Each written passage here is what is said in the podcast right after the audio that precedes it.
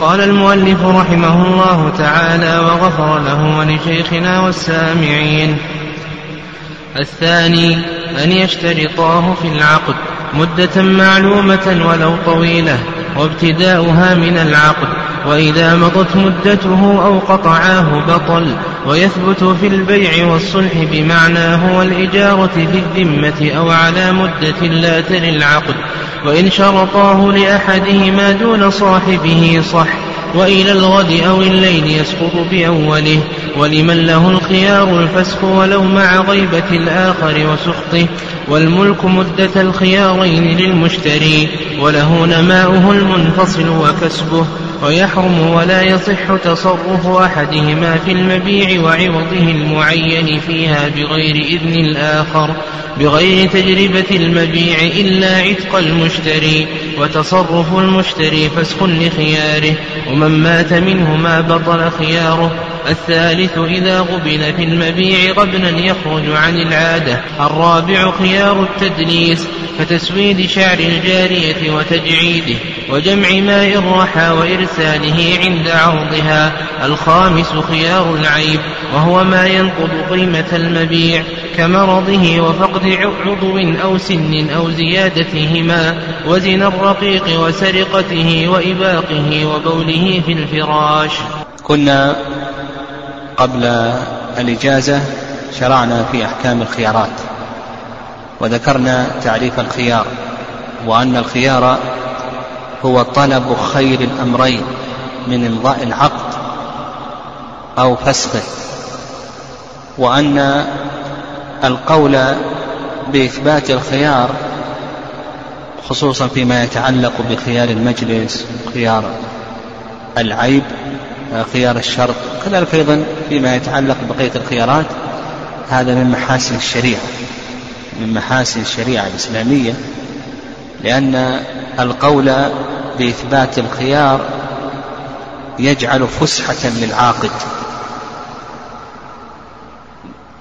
من الإمضاء أو الفسخ فقد يكون راغبا في السلعة أو راغبا في البيع. ثم بعد ذلك يندم. فجعل له الشارع فسحة لكي يسترجع. كذلك أيضا فيما يتعلق بخيار بخيار العيب والتدريس والغبن ونحو ذلك. هذه كل كل هذه الخيارات يترتب عليها نفي الظلم. وعندنا قاعدة وهي أن المعاملات لا بد فيها من انتفاء ثلاث أمور. الأمر الأول الربا وسيأتينا إن شاء الله ما يتعلق بالربا. والأمر الثاني الغرر وسيأتينا إن شاء الله عندما نتكلم على خيار الغبن الغبن سنتكلم عن الغرر إن شاء الله والفرق بين الغرر والميسر والقمار. كذلك أيضا الأمر الثالث الظلم. لا بد من انتفاء الظلم ويدخل في ذلك ما يتعلق بالتدليس والعيب والغبن والنجش وأن يسوم على سوم أخيه أو أن يشتري على شرائه وغير ذلك. هذا سيأتينا إن شاء الله. في نهاية إن شاء الله يعني بعد درسين في نهاية أحكام الخيارات سنعود بإذن الله نتكلم على بعض النوازل المتعلقة فيما تقدم. وعند نهاية باب الربا سنتكلم على نوازل المسائل المصرفية توجد في المصارف ونحو ذلك. نعم. يقول المؤلف رحمه الله تعالى الثاني قال الثاني أن يشترطاه في العقد مدة معلومة. هذا القسم الثاني من أقسام الخيارات وهو خيار الشرط. وخيار الشرط متفق عليه بين الأئمة. خيار المجلس كما سلف لا يثبته الحنفية والمالكية ويثبته الشافعية والحنابلة. لكن بالنسبة لخيار الشرط هذا متفق عليه بين الأئمة وإن اختلفوا في بعض تفاصيله وخيار الشرط هو أن يشترط أحد العاقدين مدة للفسق أو الإمضاء. أن يشترط أحد المتعاقدين مدة للفسق أو الإمضاء. فمثلا البائع يشترط أن له الخيار لمدة يوم أو يومين أو المشتري يشترط أن له الخيار لمدة يوم أو يومين ونحو ذلك. فخيار الشرط آه، هذا تعريفه. ودليله ما تقدم من قول الله عز وجل يا أيها الذين آمنوا أوفوا بالعقود والأمر بإيفاء العقد يتضمن إيفاء أصله ووصفه ومن وصفه الشرط فيه. وأيضا حيث عقبة إن حق الشروط أن توفوا به ما استحالتم به الفروج والبيعان بالخيار وكذلك أيضا حيث أبي هريرة معلقا في البخاري بصيغة الجزم المسلمون على شروطهم إلى آخره. وقال المؤلف رحمه الله أن يشترطاه مدة معلومة.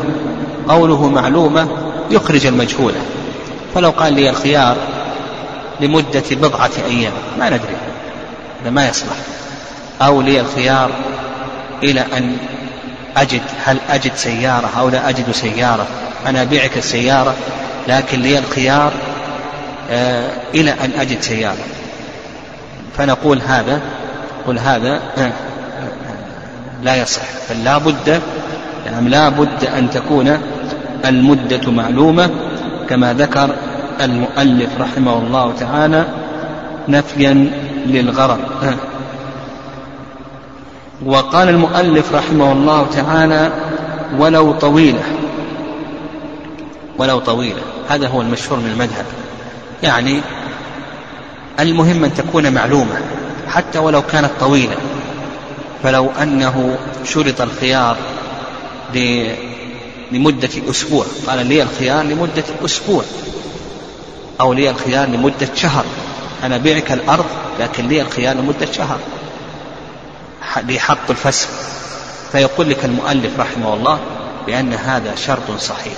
وهذا هو المشهور مذهب الإمام أحمد رحمه الله تعالى واختاره شيخ الإسلام لإطلاق الأدلة. الأدلة ليس فيها تحديد المدة. الرأي الثاني نعم الرأي الثاني. أن خيار الشرط أو أن مدة خيار الشرط ثلاثة أيام فقط. وهذا هو المشهور من مذهب أبي حنيفة كذلك أيضا مذهب الشافعية. آه عند أبي حنيفة والشافعية أن مدة الخيار خيار الشرط لا تتجاوز ثلاثة أيام.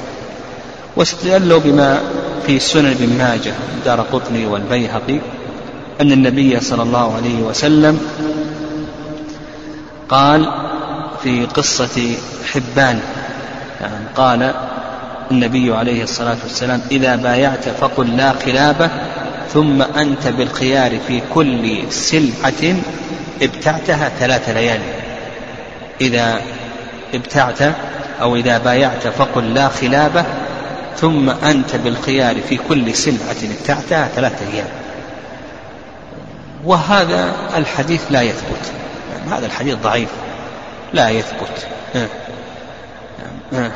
الصحيح في هذه المسألة هو ما ذهب إليه الحنابلة رحمهم الله لأن الأصل في المعاملات الحل ولإطلاق الأدلة كما سلف. قال المؤلف رحمه الله تعالى ولو طويلة نعم آه. ولو طويلة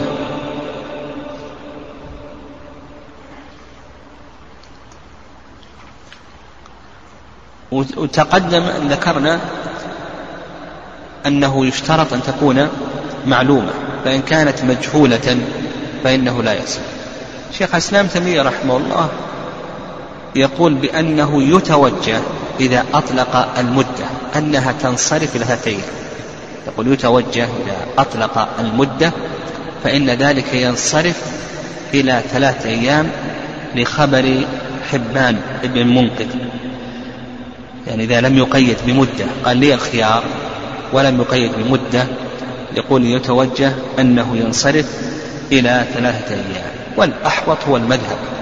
يعني الأحوط هو المذهب. نعم في حديث ابن عباس في الصحيحين في السلم أن النبي صلى الله عليه وسلم قال من أسلف في شيء فليسلف في كيل معلوم ووزن معلوم إلى أجل معلوم. فالأحوط هو المشهور مذهب الحنابلة. قال رحمه الله وابتداؤها من العقد. فمثلا لو أنه شرط الخيار ثلاثة أيام. متى تبدأ هذه المدة؟ يقول لك المؤلف رحمه الله تبدأ المدة من العقد. فمثلا إذا عقد في الساعة الثانية عشرة نقول تبدأ في من الساعة الثانية عشرة لمدة ثلاثة أيام. فإذا كان في يوم السبت تم العقد الأحد الاثنين الثلاثة. الثلاثة في الساعة الثانية عشرة انتهت المدة. إذا لم يفسق فإن العقد يلزم. قال المؤلف وإذا مضت مدته أو قطعاه بطل إذا إذا مضت المدة ولم يحصل الفسخ يقول المؤلف رحمه الله بطل الخيار. كذلك أيضا إذا قطعاه. يعني من له الحق قطعه.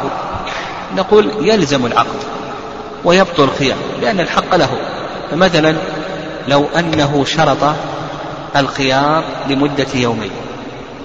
وال والمشتري أيضا شرط الخيار لمدة يومين. ثم بعد ذلك قال نلزم العقد نبطل هذه المدة. ونلزم العقد.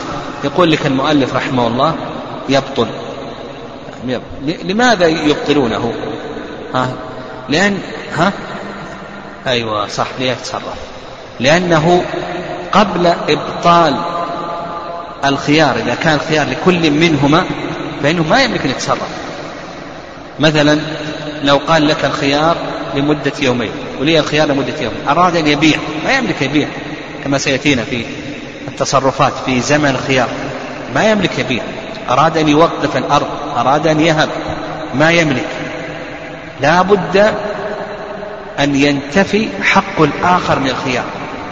فإذا قال نسقط الخيار لكي يلزم العقد لكي يتصرف سقط ذلك. أما إذا لم لم يسقطاه فإن الخيار لا يزال باقيا. قال وإذا مضت مدته أو قطعاه بطل ويثبت في البيع تقدم لنا أن الخيار أن خيار المجلس يثبت في البيع وما كان في معنى البيع. في البيع وما كان في معنى البيع لأن الحديث هكذا جاء إذا تبايع الرجلان فكل واحد منهما بالخيار. فقلنا يثبت في البيع وما كان في معنى البيع. من الصلح الذي بمعنى البيع. كذلك أيضا الإقرار الذي بمعنى البيع.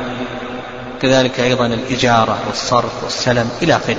فالضابط فيما يثبت به خيار المجلس نقول بأنه يثبت في البيع وما كان في معنى البيع. الآن ما يتعلق بخيار الشرط ما يثبت به خيار الشرط من العقود. هذه المسألة للعلماء رحمهم الله فيها اتجاهان. الاتجاه الأول وهو اتجاه أكثر أهل العلم اتجاه العد.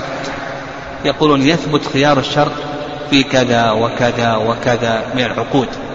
والاتجاه الثاني اتجاه شيخ الإسلام تيمية رحمه الله وهو اتجاه الحد والضبط وأنه يثبت في كل العقود. نعم وهذه يعني هذا ما ذهب إليه شيخ الإسلام تيمية رحمه الله كونه يثبت في كل العقود هذا قول قوي جدا. فالسائر سائر العقود يثبت فيها خيار الشرط هذه مسألة مهمة. مثلا في الوقف لو أراد أن يوقف البيت قال أنا أريد أن يوقف البيت لكن لي الخيار لمدة ثلاثة أيام؟ المشهور عند الفقهاء؟ ما يصح. وأعظم من ذلك ماذا؟ عقد ماذا؟ عقد النكاح. لو قالت المرأة أنا هذا الرجل لكن لي الخيار ثلاثة أيام أو خمسة أيام؟ ربما أنه سيء الخلق أو ناقص الدين فيثبت لها الخيار. لكن عند الفقهاء رحمهم الله لا يثبتون الخيار هذه مسألة مهمة. يعني كلام شيخ الإسلام تيمية رحمه الله يعتبر كالضابط في هذه المسألة. وأن أن خيار الشرع يثبت في سائر العقود. في سائر العقود. نعم. فمثلا قال حتى فيما يشترط فيه التقابض. أن تشتري ذهب من الصائغ. تشتري ذهب من الصائغ. اشتر ذهب من الصائغ. لا بد أن يكون يدا بيد تأخذ الذهب وتعطيها الدراهم. لكن لو قال لي الخيار لمدة ثلاثة أيام أو لي الخيار لمدة يومين صح ذلك لكن عند الفقهاء ما يصح. يعني عند الفقهاء رحمهم الله لا يصح. يعني فالصحيح هو الاتجاه الذي ذهب إليه شيخ الإسلام رحمه الله وأن خيار الشرط يثبت في سائر العقود. كما ذكرنا ما يتعلق بالهبة ما يتعلق بالأوقاف ما يتعلق بالأنكحة إلى آخره. يعني مقتضى كلام شيخ الإسلام أنه يثبت في سائر العقود أنه يثبت هذه الأشياء يثبت فيها خيار الشرط حتى العقود اللي يشترط فيها التقابض مثل الربويات يعني مثل الربويات يعني فيثبت فيها خيار الشرط أما على كلام الفقهاء رحمهم الله تعالى فهم يقولون بالعد. يعني يقولون بالعد ولهذا قال لك المؤلف عدد لك العقود التي يثبت فيها. قال ويثبت في البيع. يثبت في البيع. ظاهر هذا. قال والصلح بمعناه. هذا سيأتينا إن شاء الله في باب الصلح. أن الفقهاء رحمهم الله يقسمون الصلح إلى قسمين صلح إقرار وصلح إنكار. صلح الإقرار يقولون بأنه بمعنى البيع. صلح الإقرار يقولون بأنه بمعنى البيع مثلا يدعي عليه قال أنا أريد منك ألف ريال. قال نعم أنا أقر تريد مني ألف ريال لكن ما معي ألف ريال أعطيك هالكتب هذه أو أعطيك هذه السيارة. هذا يسمى ماذا؟ صلح إقرار. العلماء يقولون بأن صلح الإقرار في حكم ماذا؟ في حكم البيع لأنه مبادلة مال بمال. فلو قال أنا أنا أريد منك دين ألف ريال. قال نعم خذ السيارة هذه لذلك وتصالح على ذلك. له الحق أن يشترط يقول لي أن نعم أنا أقبل السيارة لكن لي خيار لمدة ثلاثة أيام أو لمدة يومين. فيثبت خيار الشرط في الصلح الذي بمعنى البيع وهو صلح الإقرار. قال لك والصلح بمعناه والإجارة في الذمة. ومثل أيضا الهبة التي مع البيع وهي هبة الثواب. هبة الثواب. هبة الثواب هذه بمعنى البيع فمثلا لو وهبه وهبه كتابا. قال وهبتك هذا الكتاب بشرط أن تعطيني كتابك. هذا العلماء يقولون بأنها بمعنى البيع يثبت فيها خيار الشرط. ومثل أيضا القسمة. نعم القسمة التي بمعنى البيع نعم. القسمة سيأتينا إن شاء الله أنها تنقسم إلى قسمين. القسم الأول قسمة تراض والقسم الثاني قسمة إجبار. قسمة التراض هذه يقولون بأنها في معنى وقسمة التراض التي يكون فيها ضرر أو رد عوض. يتقاسم الأرض ولكي يحصل التعديل في القسمة. يدفع أحد الشريكين الآخر كذا وكذا من المال. هذه القسمة يقولون بأنها بمعنى البيع. قسمة التراضي يقولون بأنها بمعنى البيع. وعلى هذا يصح أن يشترط. يقول مثلا أنا أنا آخذ هذا الجانب من هذه الأرض وأعطيه كذا وكذا من الدراهم لكن لي الخيار لمدة يومين أو ثلاثة أيام إلى آخره. هذه آه، آه، آه، قسمة التراضي. قال والإجارة في الذمة أو على مدة لا تلي العقد. الإجارة. الإجارة إما أن تكون على الذمة وإما أن تكون على منفعة من المنافع. وهذا سيأتينا في باب الإجارة. أن الإجارة إما أن تكون على الذمة.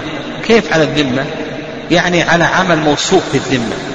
كان يستأجره لكي يبني له حائطا.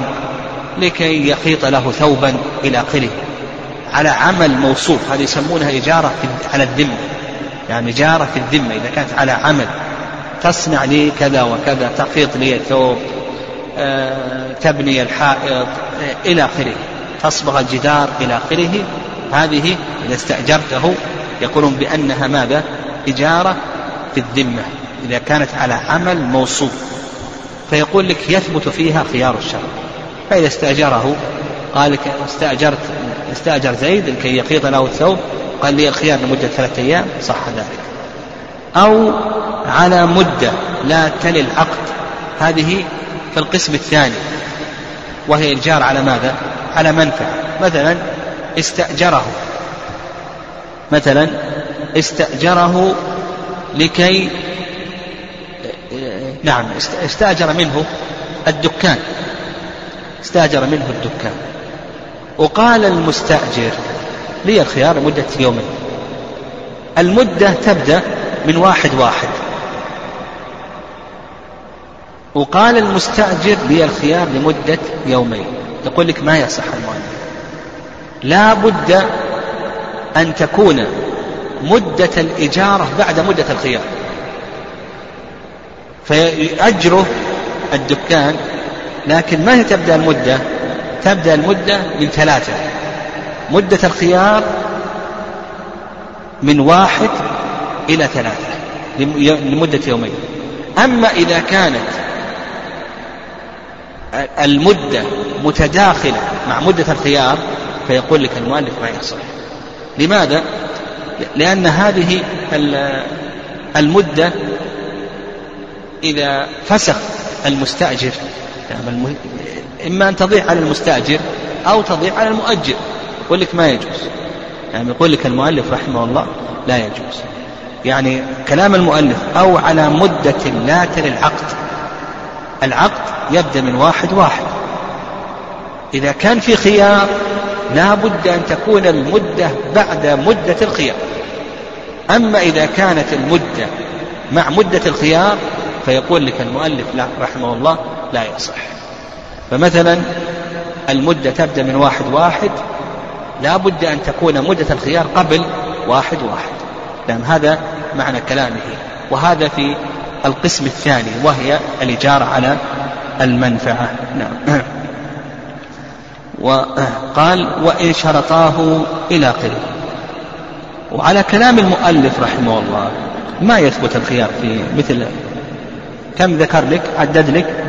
قال لك في البيع والصلح بمعناه كما ذكرنا أيضا ما كان في معنى البيع من قسمة التراضي وهبة الثواب وكذلك أيضا الإجارة على العمل والإجارة على المنفعة بشرط ألا تلي المدة مدة الخيار إلى آخره. ما عدا ذلك ما يثبت فيه خيار الشرط. فلا يثبت خيار الشرط في عقد السلم ولا في عقد القرض. ولا في عقد المساقات ولا المزارعة ولا إلى آخره. يعني يرون أن هذه أو عقد الوقف. كذلك أيضا الهبة أو النكاح إلى آخره. ذكرنا أن الرأي الثاني واتجاه شيخ الإسلام تيمية رحمه الله وأن خيار الشرط يثبت في سائر العقود يعني خيار الشرط بعموم قول الله عز وجل يا أيها الذين آمنوا أوفوا بالعقود. والأمر بإيفاء العقد يتضمن الأمر بإيفاء أصله ووصفه. وكونه يقال بجواز خيار الشرط في بعض العقود دون بعض هذا فيه نظر. لأن هذا يحتاج إلى نظر. أه. قال المؤلف رحمه الله وإن شرطاه لأحدهما دون صاحبه صح. يعني صح الشرط. يعني لأن الحق لهما. فكيف ما تراضي أجاز. إذا شرطاه لأحدهما دون الآخر لو قال البائع لي الخيار لمدة يومين والمشتري لا خيار له نقول بأن هذا نقول بأن هذا صحيح لأن الحق لا يعدوهما فكيف ما تراضيا فلهما ذلك. قال وإلى الغد أو الليل يسقط بأوله. لو قال لي الخيار إلى الغد يسقط متى؟ بطلوع الفجر. أو إلى الليل بغروب الشمس. فالمؤلف رحمه الله تعالى غلب الحقيقة اللغوية هنا. نعم غلب الحقيقة اللغوية. لأن الحقيقة اللغوية في الليل إلى الفجر الليل يستمر إلى الفجر والنهار يستمر إلى غروب الشمس. والصحيح في ذلك أنه إذا كان هناك عرف يعني إذا اختلفت الحقيقة اللغوية مع الحقيقة العرفية. فإن كان هناك عرف فإن نصير إلى العرف. فنقول إذا كان هناك عرف إذا قال غد إلى الغد. وعرف الناس أنه إذا قال الغد إذا فتحت المحلات. والمحلات ما تفتح إلا في الساعة التاسعة. يستمر له الخيار إلى الساعة التاسعة. أو إلى الليل قصده الليل عند النوم. يعني هذا عرف الناس إلى آخره. وأنه ما لم ينم فإن له حق الفسق. إلى آخره. المهم إذا كان هناك عرف فإننا نغلب العرف على الحقيقة اللغوية. قال ولمن له الحق الخيار الفسخ ولو مع غيبة الآخر وسخطه. يعني لا يشترط عند الفسخ نعم لا يشترط عند الفسخ أن يواجهه بالفسخ. بل إذا اشترط الخيار لمدة يومين ومضى يوم فله أن يفسخ. له أن يقول فسخت لكن الأحوط أن يشهد. وليس بشرط أن يواجه العاقد الآخر. وكذلك أيضا وسخطه أيضا لو أنه سخط العاقد العاقد الآخر لم يرضى بالفسخ وهنا لا يشترط الرضا لأن الحق لهذا العاقد ولا يشترط رضا الآخر. قال المؤلف رحمه الله تعالى والملك مدة الخيارين للمشتري. لمن الملك في مدة الخيارين؟ مدة خيار الشرط ومدة خيار المجلس. يعني مدة خيار الشرط ومدة خيار المجلس. لمن الملك؟ نقول الملك هنا للمشتري. وش يترتب على ذلك؟ ترتب على ذلك ما سيذكره وله نماؤه المنفصل وكسبه إلى آخره. فنقول الملك للمشتري. ويدل لذلك حديث ابن عمر رضي الله تعالى عنهما أن النبي صلى الله عليه وسلم قال من باع عبدا وله مال فماله للبائع. ها قال ماله للبائع. هذا يدل على أن الرقيق صار لمن؟ للمشتري. قال فماله للبائع إلا أن يشترط المبتاع المشتري. فقوله فماله للبائع هذا يدل على أن المبيع أصبح لمن؟ للمشتري. ملكه المشتري. فهذا كما ذكر المؤلف رحمه الله بأن الملك نعم بأن الملك يكون لمن؟ في مدة الخيارين يقول بأنه للمشتري وحديث سهل بن سعد في الصحيحين في قصة الواهبة قال النبي صلى الله عليه وسلم إن أعطيتها إزارة. هذا الرجل في قصة الواهبة المرأة وهبت نفسها للنبي صلى الله عليه وسلم. النبي عليه الصلاة والسلام لم يكن له رغبة في النكاح. فقال له الرجل يا رسول الله إن لم يكن لك بها حاجة فزوجنيها فقال النبي صلى الله عليه وسلم ما تصدقها. قال أصدقها إزاري يقول الراوي عليه إزار ما عليه رداء عليه إزار يعني ستر نصف بدنه الأسفل وأما النصف الأعلى ما عليه شيء. قال النبي صلى الله عليه وسلم إن أعطيتها إزارك جلست ولا إزار لك. هذا يدل على أنه انتقل لمن؟ ها؟ نعم؟ انتقل للمرأة. نعم انتقل للمرأة. بمجرد العقد نعم بمجرد العقد. فال نقول بأن الملك يكون لمن؟ في مدة الخيارين في زمن الخيارين يكون للمشتري. قال وله نماؤه المنفصل وكسبه. هذا الذي يترتب على هذا الكلام هذا. هذا الكلام مرتب على ما سبق. لو حصل كسب مثلا هذه السيارة أجرت كما سيأتينا أجرت. هذه الأجرة لمن تكون؟ ها؟ تكون لمن؟ للمشتري. لأنه كسب كسب العين. والعين هذه ملك للمشتري. الكسب هنا يكون للمشتري. كذلك أيضا النماء. قال لك وله نماؤه المنفصل. يعني مثل الثمرة مثلا. أثمرت الشجرة في مدة الخيارين. نقول الثمرة تكون لمن؟ للمشتري لأنه نماء ملكه. نماء ملكه. وقول المؤلف رحمه الله وله نماؤه المنفصل. هذا يخرج ماذا؟ يخرج المتصل. فعلى كلام المؤلف رحمه الله تعالى أن النماء المتصل يكون تبعا للعين. وعلى هذا إذا فسخ العقد يكون هذا النماء المتصل يكون لمن؟ للبائع وهذه وهذه قاعدة المذهب، المذهب يفرقون بين النماء المنفصل وبين النماء المتصل. يعني يفرقون بين النماء المنفصل في الأحكام ويفرقون بين النماء المتصل في الأحكام. ابن رجب رحمه الله في كتاب القواعد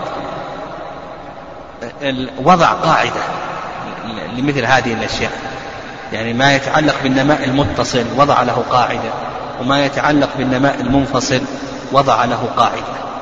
والصحيح في هذه المسألة نعم الصحيح في هذه المسألة آه، أن النماء كله النماء كله للمشتري لأنه نماء ملكه سواء كان متصلا أو كان منفصلا لأنه نماء ملكه. وكما جاء في حديث عائشة وإن كان في ضعف الخراج بالضمان الخراج بالضمان. فكما أن أن هذه السلعة لو تلفت تكون من ضمان من؟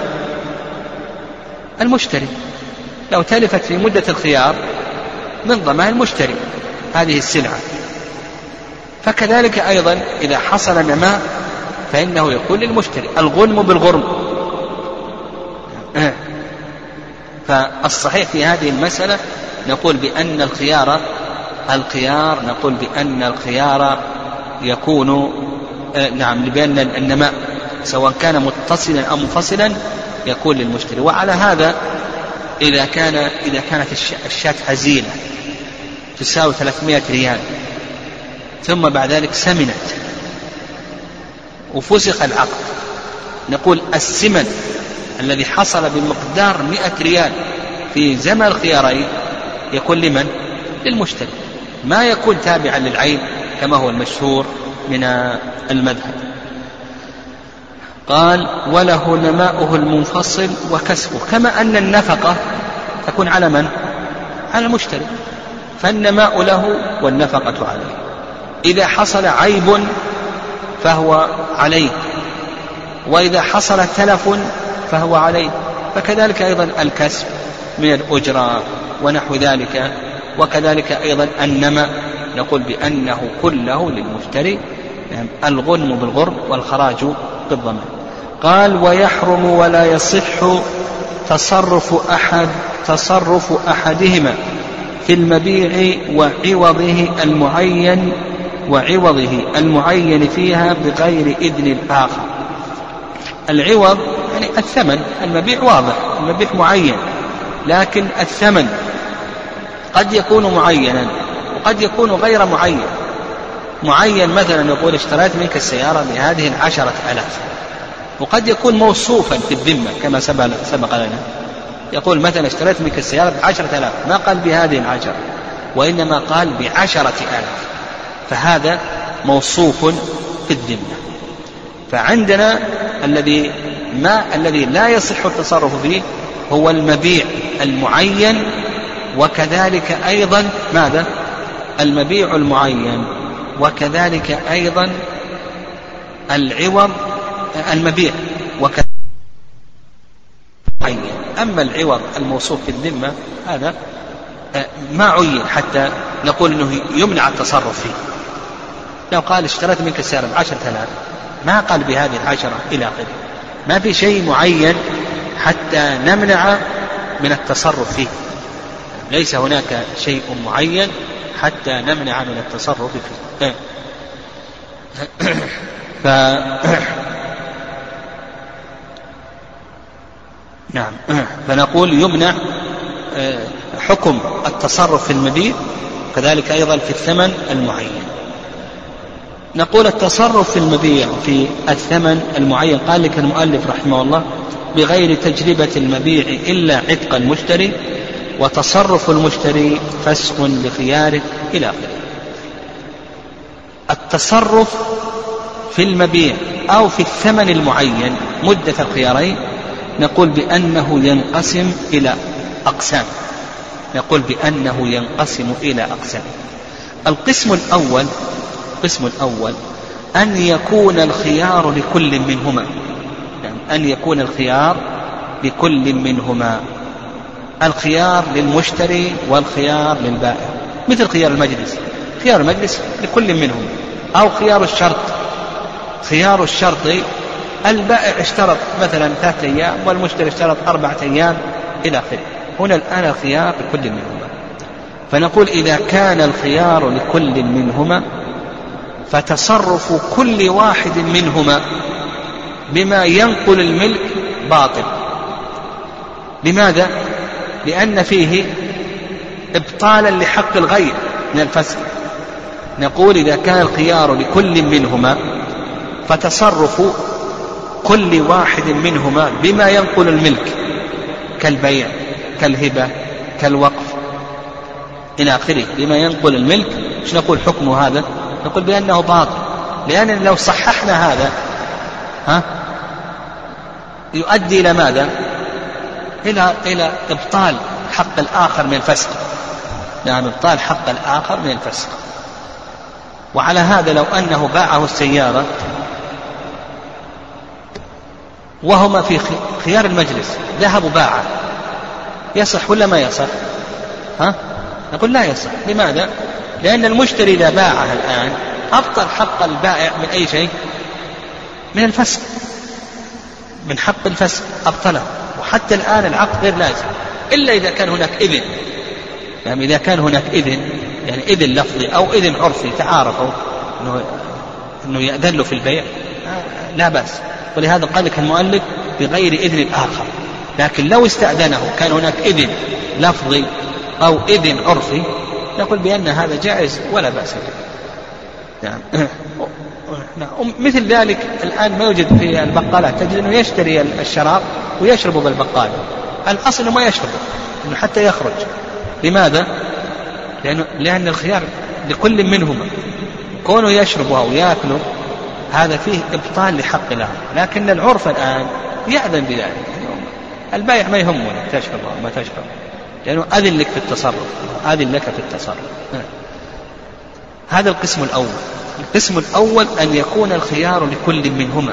فإذا كان الخيار لكل منهما فنقول يمنع من التصرف تصرفا ينقل الملك كالبيع والهبة والوقف إلا بإذن الآخر كما ذكر المؤلف رحمه الله.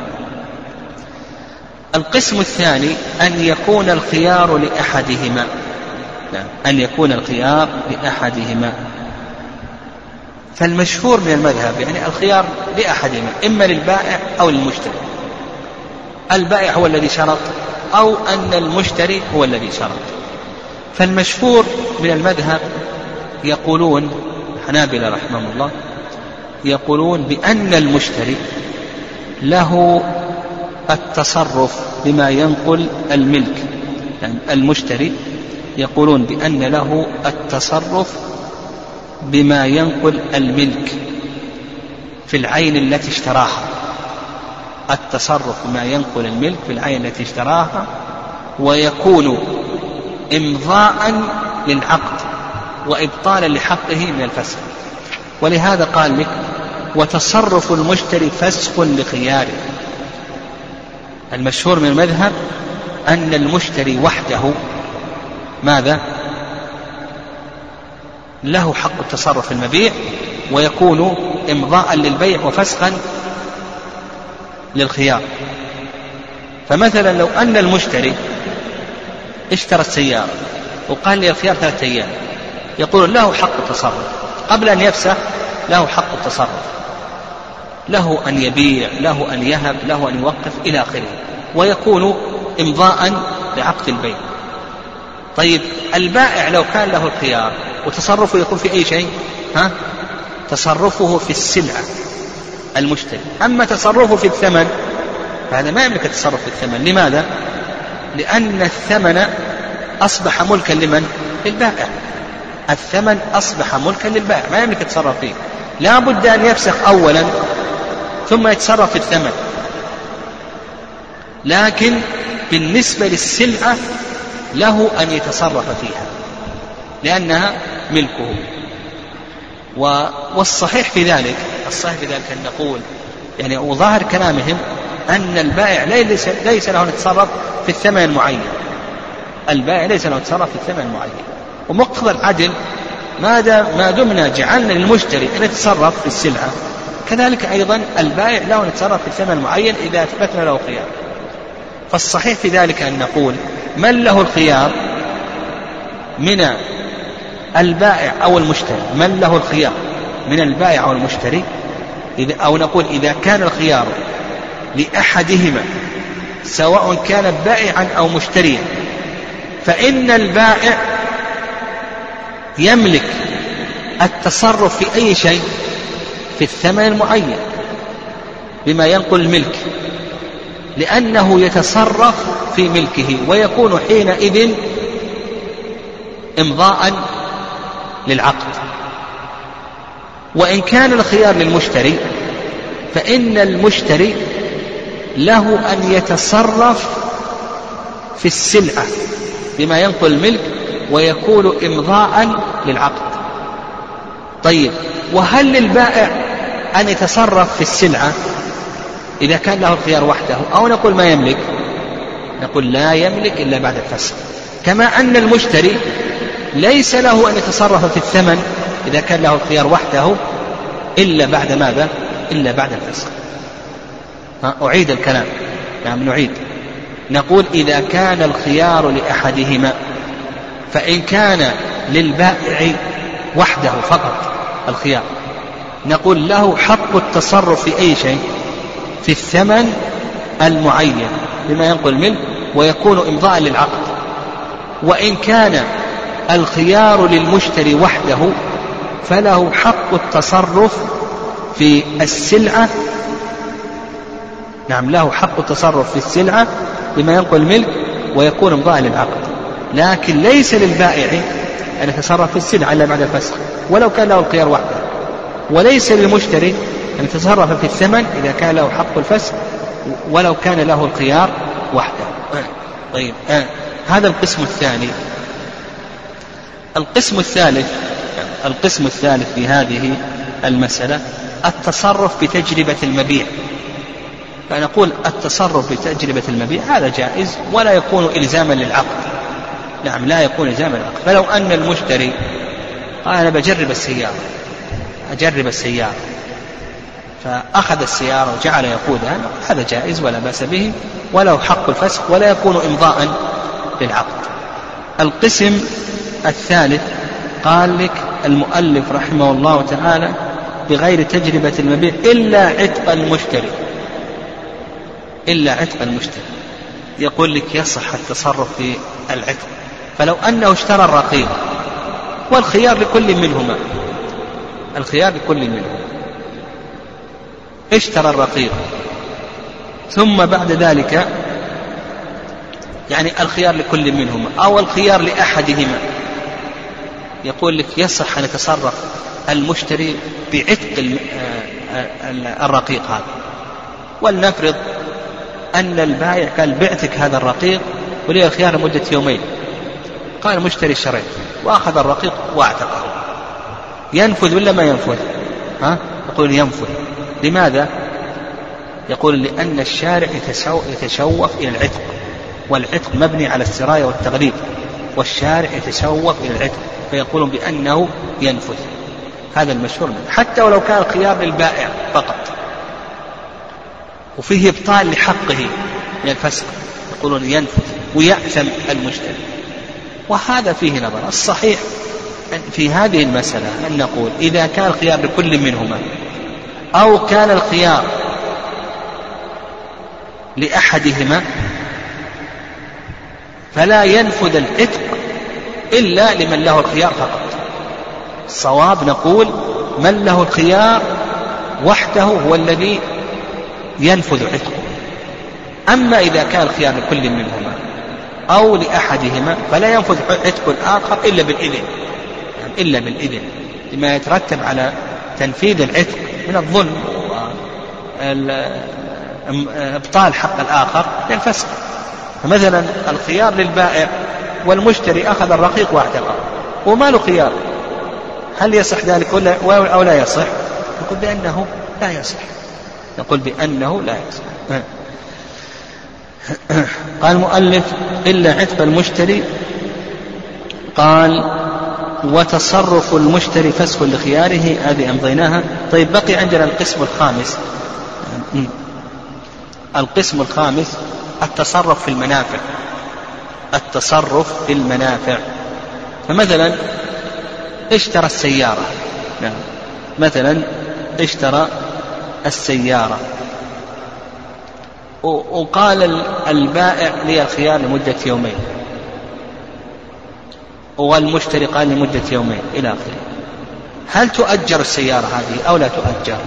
يقول لك المؤلف رحمه الله يعني أو الحنابل المشهور المذهب أن المنافع تبقى معطلة حتى يتفق يتفق على التأجيل. المنافع يقولون بأنها تبقى معطلة حتى يتفقا على أن تؤجر أو يكون العقد مع الآخر. هذا هو المشهور من المذهب. والصحيح في ذلك صحيح في ذلك أنه إذا طالب المشتري لأن الملك الآن أصبح لمن؟ للمشتري. فإذا طالب المشتري أن أن المنافع ما تعطل تؤجر السيارة يؤجر الرقيق تؤجر الدابة يؤجر البيت. الصواب في ذلك أنها ما تكون معطلة. قال المؤلف ومن مات منهما بطل خياره. نعم. يقول لك المؤلف رحمه الله إذا مات منهما من أحد العاقدين بطل خياره. فمثلا لو أن المشتري قال لي الخيار لمدة يومين ثم مات يقول لك بطل بطل خياره. هذا هو المشهور من المذهب. والرأي الثاني أن الخيار ما يبطل وأنه يورث. أنه يورث. أنه يورث. وهذا مذهب المالكية والشافعية. نعم هذا مذهب المالكية والشافعية أنه لأن هذا حق مالي. والله عز وجل يقول ولكم نصف ما ترك أزواجكم. وهذا يشمل كل ما تركه الأزواج من الأعيان المالية والحقوق المالية. فالصواب في ذلك أن أن أنه لا يبطل حقه بأي شيء بالموت يقول الموت لكن المشهور من المذهب أنه إن طالب قبل الموت لم يبطل.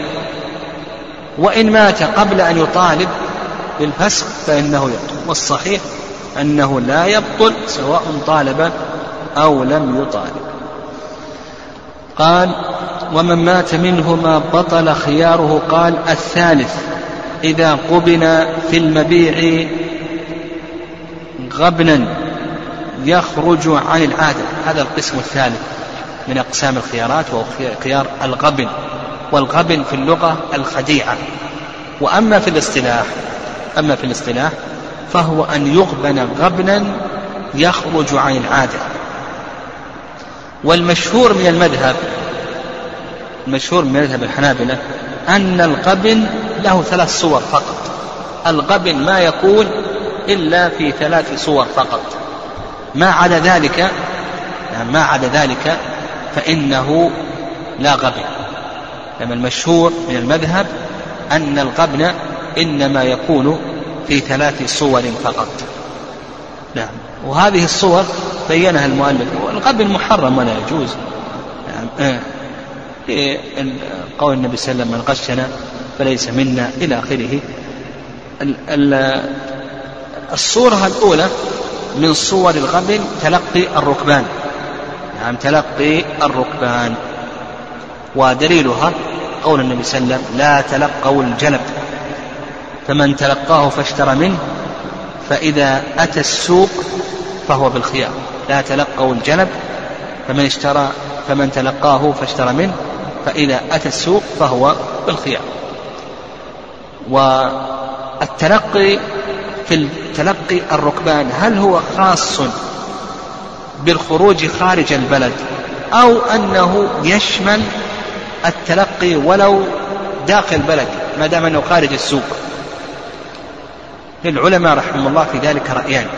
نعم العلماء رحمهم الله تعالى لهم في ذلك رأيان. الرأي الأول نعم الرأي الأول وهو المشهور من قول الظاهرية والحنابلة أنه سواء كان التلقي داخل السوق داخل البلد أو خارج البلد. الممنوع. يشمل التلقي داخل البلد وكذلك أيضا خارج البلد ما دام أنه خارج السوق. هذا المشهور من المذهب والرأي الثاني أنه لا يكون تلقيا إلا إذا كان خارج البلد. نعم وهذا مذهب الشافعية. يعني لا يكون تلقي إلا خارج البلد. والصحيح في ذلك ما ذهب إليه الحنابلة رحمهم الله وأن التلقي يشمل ما كان داخل البلد وخارج البلد إذا كان خارج السوق. إذا كان خارج السوق. طيب لو أنه خرج ولم يقصد التلقي وإنما وجدهم في الطريق هل يشتري منهم أو لا أو لا يشتري؟ نقول لا يشتري منهم حتى يهبط الأسواق. طيب لو أنهم لا يريدون هذا البلد وإنما يريدون بلدا آخر. يشتري منهم أو لا يشتري؟ نقول لا بأس أن يشتري منهم. نعم لا بأس أن يشتري منهم لأنهم مسافرون. طيب لو أنهم هم الذي هم الذين أتوا الشخص ولم يقصدهم لا بأس أن يشتري منهم. إذا كانوا هم الذين أتوك فهنا لا بأس أن تشتري لكن أن تقصدهم نعم نقول انتظر حتى يهبطوا الأسواق. والله أعلم.